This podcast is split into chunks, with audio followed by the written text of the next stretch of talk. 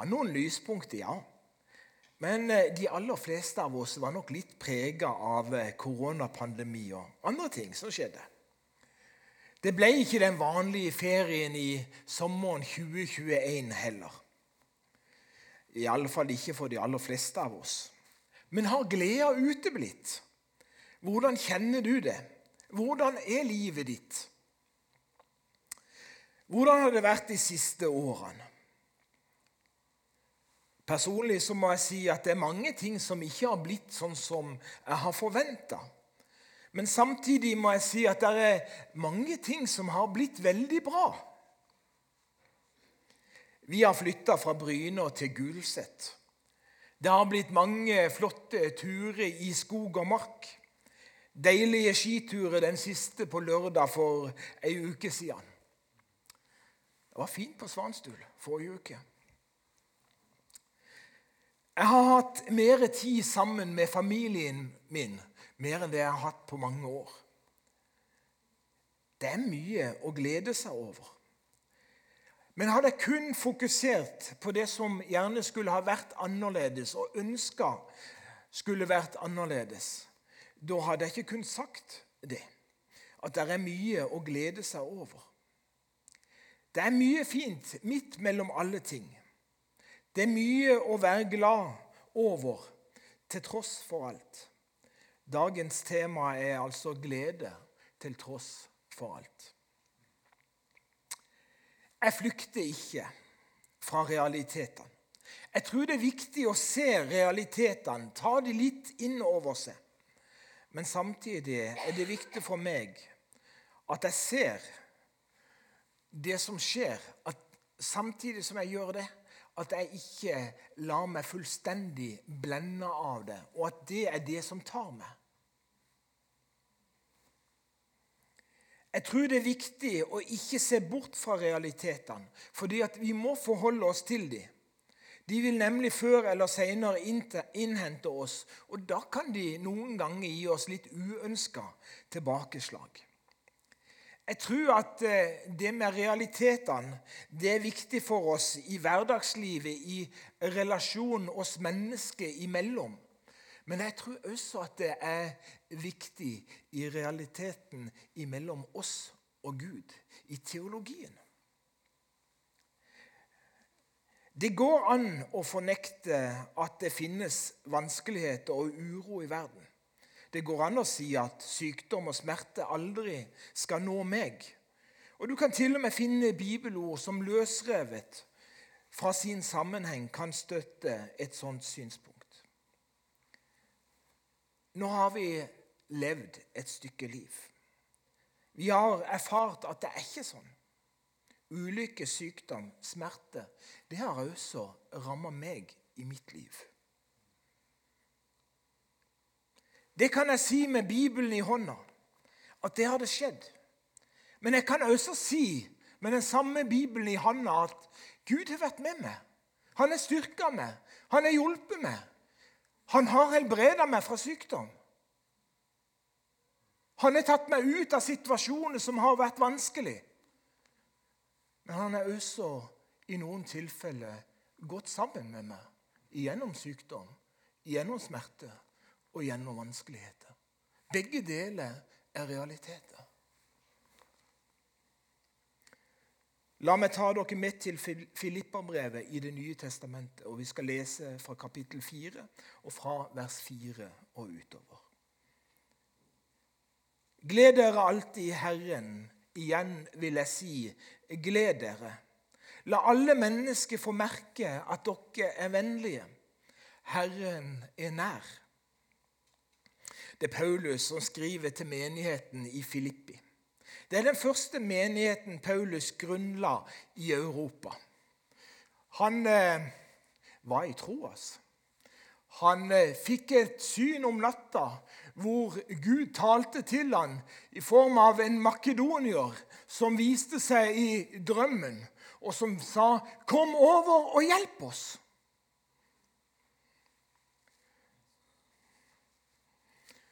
En sterk historie.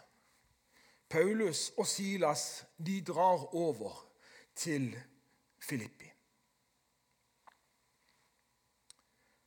Og det er den første menigheten som blir grunnlagt i Europa av Paulus. Det høres ut som en solskinnshistorie. Men faktum er at Paulus kun var i Filippi i tre uker før han og Silas ble avkledd, piska, fengsla, senere løslatt og bedt av myndighetene om å forlate byen. Det var alt annet enn en solskinnshistorie, kan du si. Selv om ei kvinne ble satt fri fra en besettelse, en demonisk besettelse. Fra slaveri, for det var en som tjente penger på hennes ulykke. En fangevokter og hans familie de kom til tro på Jesus, og mennesket fikk nytt liv. Det er fantastisk, men det er også en trist historie. Alt etter hva du fokuserer på. Paulus fornekta ikke realitetene. Men han ba de likevel om å ha det rette fokuset. Gled dere alltid i Herren. Igjen vil jeg si, gled dere. Gleden dere har i Herren Jesus Kristus, kan langt overskygge alle de vanskelighetene som livets realiteter byr på. Et høyst menneskelig ordtak sier det, det du gir mat, det vil vokse. Et annet er det du fokuserer på, det blir sentralt for det. Ordtakene er ikke bibelsk, men jeg tror at ut fra dagens bibeltekst at Paulus kunne sagt at dette er rett. Gled dere alltid i Herren, sier han. Igjen vil jeg si gled dere. Ha fokus på Jesus. Ha fokus på hva han kan, og hva han vil gjøre for deg i ditt liv og for menneskene som er rundt deg. Det gir grunn til glede. Han kan redde deg fra alt i denne verden. Absolutt alt. Og han kan til og med gi deg evig liv, sjøl om du en dag skal dø. For er det én ting som er sikkert, så er det at menneskene en dag skal dø fra dette livet sånn som vi kjenner det. Når tid det skjer, det vet ingen. Men at det kommer til å skje, det vet vi alle sammen. Har du fokus på at du skal dø fra dette livet? Eller har du fokus på at du eier det evige liv i Jesus Kristus? Kanskje er ikke det et spørsmål for deg. Kanskje har du det godt med at Jesus har gitt deg det evige liv, og at døden ikke lenger er det siste som skal skje. At dødens ulykke ikke lenger eksisterer. Det er en sannhet for den som tror på Jesus. Andre kan si at dette ikke er et spørsmål for dem, men at døden fremdeles er deres siste fiende. Kanskje er dette dine ord fordi at du ennå ikke har tatt imot Jesus som din frelser. Eller sagt med dagens språk at Jesus ennå ikke har blitt din redningsmann. Jesus kan dra deg opp av det som er vanskelig. Han kan sette deg på sikker grunn. Det har han gjort for meg, og det vet jeg at han har gjort for mange av dere som er til stede her i formiddag.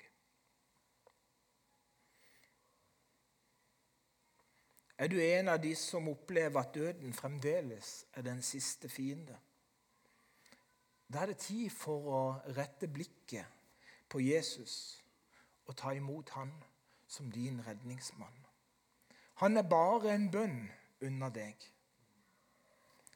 Eller igjen sagt med dagens språk han er bare din invitasjon unna deg.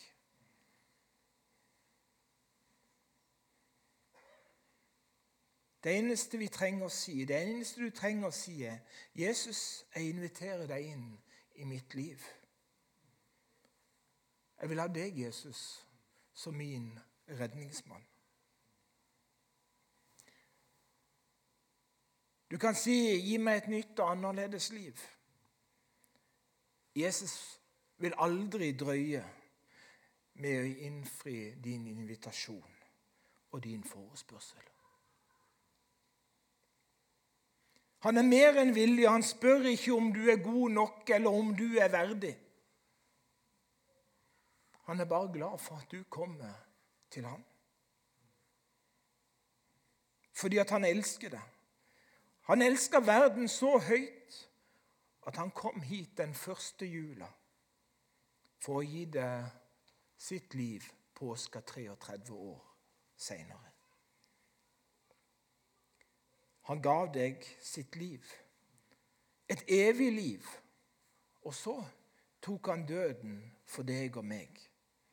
Og han er den eneste som har overvunnet døden ved å stå opp igjen, og at han lever den dag i dag. Den samme Jesus han samtalte med disiplene sine om bekymring. Og Paulus skal også si oss noe om bekymring. Han først. Vær ikke bekymra for noe, men legg alt dere har på hjertet, framfor Gud.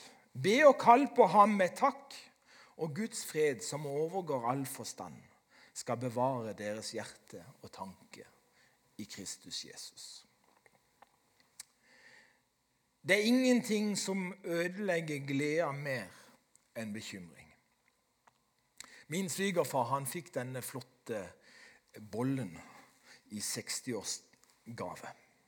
I dag er han hjemme hos Herren. Men inni den bollen der så står der innskrevet av vennene hans. Bekymring er å tenke på morgendagen som om det ikke er noen Gud. Det er sant. Gud er der i morgen. Og han vil være sammen med deg når morgendagen kommer.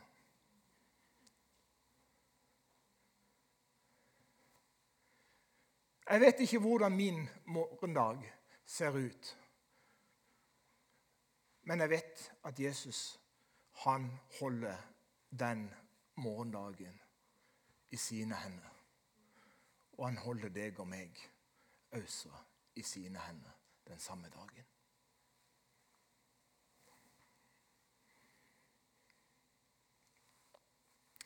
Som sagt, Jesus snakker om bekymring. og Han sier i Matteus 6, 34 Gjør dere ingen bekymring for morgendagen. Morgendagen skal bekymre seg for seg sjøl. Hver dag har nok med sin egen plage.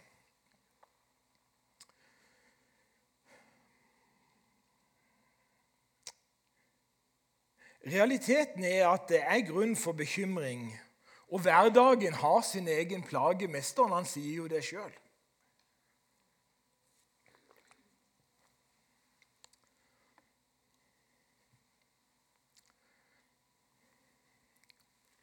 Er det morgendagen i ferd med å bli din bekymring, så har altså Paulus et svar på dette. Og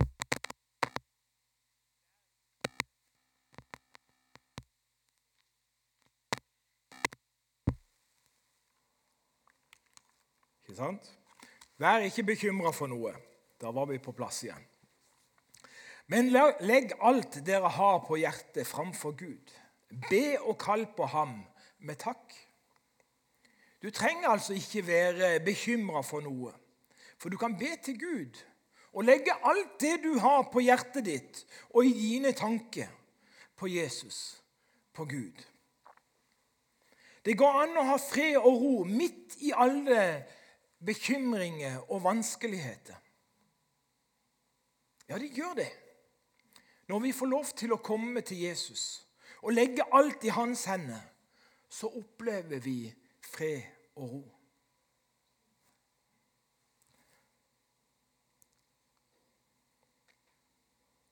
For meg så handler det om mer. For teksten sier noe mer. Og Guds fred, som overgår all forstand, skal bevare deres hjerte og tanke i Kristus Jesus. Det er Guds inngripen i våre liv. Det er det som går forbi alt det vi kan prestere ved våre valg og våre gode selvhjelpsløsninger. Det finnes massevis av litteratur eh, som går i kategorien 'hjelp til sjølhjelp'. Og det er mye vi kan gjøre som mennesker for å få en bedre hverdag. Dette er imidlertid et Guds under. At et menneske som er fylt av indre uro og ufred, kan få oppleve fred, og at hjertet kan falle til ro. Det er egentlig ikke gitt av oss mennesker å skape i oss sjøl. Jeg vet at mennesker prøver å komme dit med ulike øvelser. Vi kan si yoga, vi kan si sjøldisiplin og andre øvelser. Men det går altså an å komme dit, enkelt ved å legge seg sjøl i Guds hender og stole på at Han er vår redningsmann. Jesus. Bønna, samtalen med Gud om du vil, er det beste for å komme dit. Ikke for at du ved det skal skape den freden, men fordi at Gud vil gi deg den freden. Vi kan ikke gjøre en eneste ting for sjøl å oppleve denne freden som overgår all forstand, altså noe som er utover det du kan fatte og begripe. Men det går an å få det som Guds svar på vår forespørsel til Han.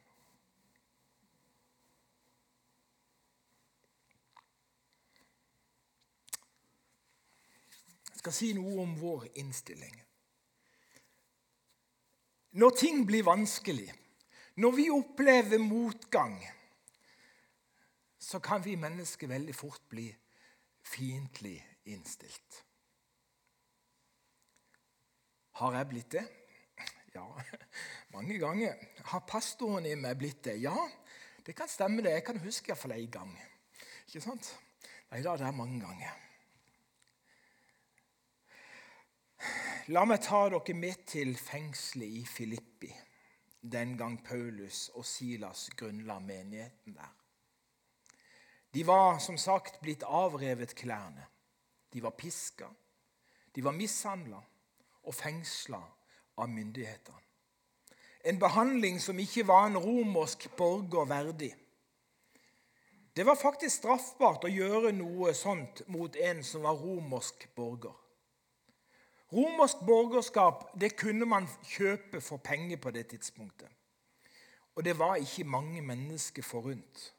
Men Paulus Paulus var født inn i romersk borgerskap.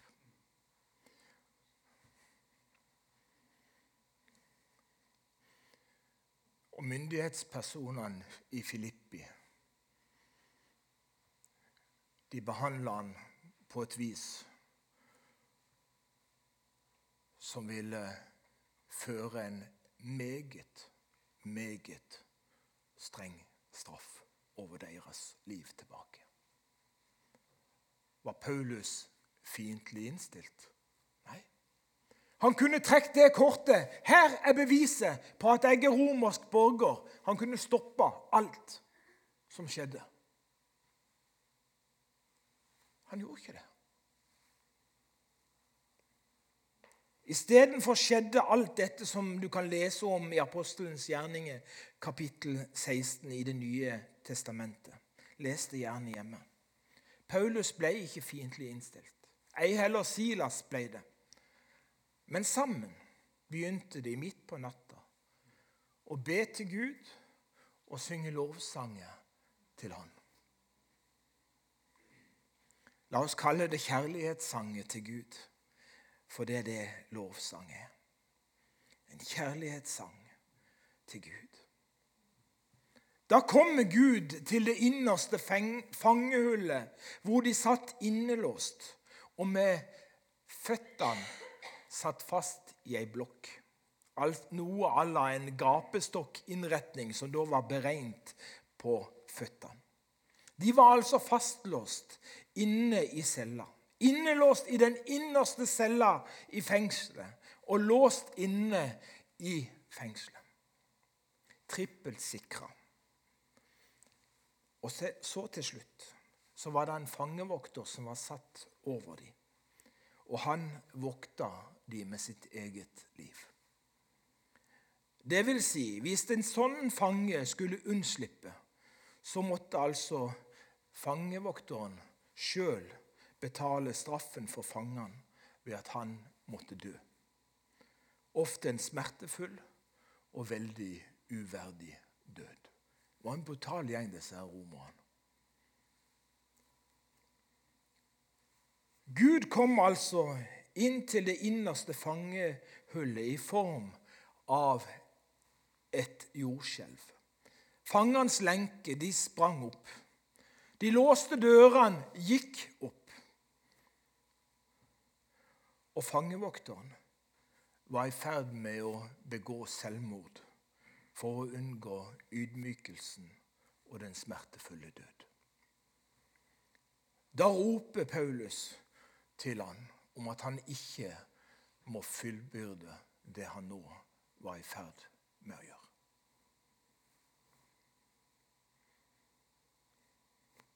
Det var ingen fange som ville rømme. De var der alle sammen, ropte Paulus til ham. De kunne stukket av. Men de gjorde det ikke. Ingen av dem. Og det tror jeg må være fordi at Gud var der. Rett og slett. Ellers så tror jeg det at kriminelle fanger de ville stikke av på enhver mulighet som bydde seg. Men de ble der. De ble der alle sammen. Var Paulus og Silas vennlige og gode i møte med myndighetene, med sine medfanger? med fangevokteren. De som hadde makt over dem. Jeg tror det at en kan si at det var ingen tvil om det. Denne opplevelsen det førte fangevokteren til tro på Jesus sammen med hele hans familie. Det var inngangsporten for å fortelle han og hans familie om Jesus. Disse to, Paulus og Silas, de elska Gud, og de elska et menneske. Vet du, vi har ikke en fiende i mennesket. Vi har ikke en kamp mot mennesket. Men vår kamp den står mot makter og myndigheter, mot ondskapens ånde her i himmelrommet.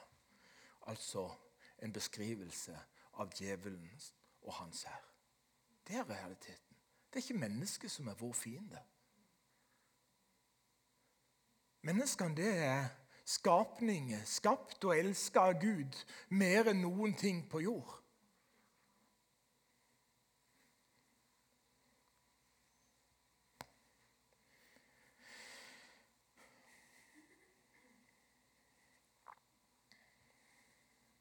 Derfor skal vi være vennlige mot mennesket. Og vår kamp skal utkjempes, ikke med makt, men i bønn og lovsang og med Guds kraft. I motsetning til hva vi kan makte på egen hånd. Ja, kan du tenke det med deg sjøl? Det er lett for Paulus å si noe sånt i Filipperbrevet. Han ble jo fri etter fangenskapet i Filippi. Ja, det er sant. Men eh, Filipperbrevet er et brev som Paulus skrev når han var i fangenskap.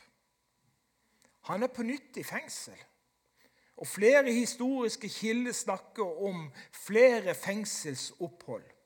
Kanskje så mange som seks ulike fengselsopphold. Denne gangen er han antakelig i fangenskap i Roma. Hvis du leser det, så snakker han om vennene I avslutninga av Filipperbrevet så skriver han om vennene som hilser til vennene. Og Spesielt så hilser han fra de som er i tjeneste hos keiseren. altså Da er han i Roma. Etter dette fangenskapet ble han enten frigitt for en liten periode, eller så ble han direkte ført fram for keiser Nero og dømt til døden av kanskje historiens mest brutale keiser. Han eh, satt fengsla i Mamartinerfengselet, som ligger rett under der den hvite pila er i Roma. Jeg står der på Palatin, ser ut over Forum Romanum og mot eh, da eh, det stedet hvor Paulus satt fengsla. Antakelig også sammen med Peter. Tradisjonen den sier at Paulus som romersk borger ble halshugga for sin tro på Jesus. Det var den mest humane måten å gjøre det på. Samme dag så ble Peter korsfesta. Han ga sitt liv. Kjærlighet til Gud og kjærlighet til mennesket. Historien sier at, eller Tradisjonen får vi si, sier at Peter kjente seg ikke verdig til å bli korsfesta på samme måten som sin mester Jesus. Så han ba om å bli korsfesta opp ned.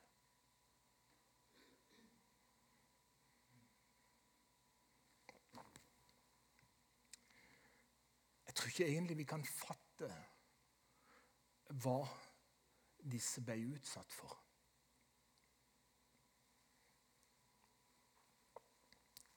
Realiteten er jo det at det er mange som deler den samme tro som oss, opplever forfølgelse og vanskelighet i dag. Og jeg tror jeg kan si det at når Paulus skriver Filipperbrevet, så skriver han det ikke under fantastisk lykkelige omstendigheter. Men han skriver det under fana glede til tross for alle ting. For gleden den er ikke bestemt av hva som skjer med oss og rundt oss. Gleden den eksisterer i vår relasjon mellom Gud og oss. Han sier altså 'Gled dere alltid i Herren'. Igjen vil jeg si 'gled dere'. La alle mennesker få merke at dere er vennlige. Nå ser jeg at klokka tikker og går, så jeg skal gå mot en avslutning.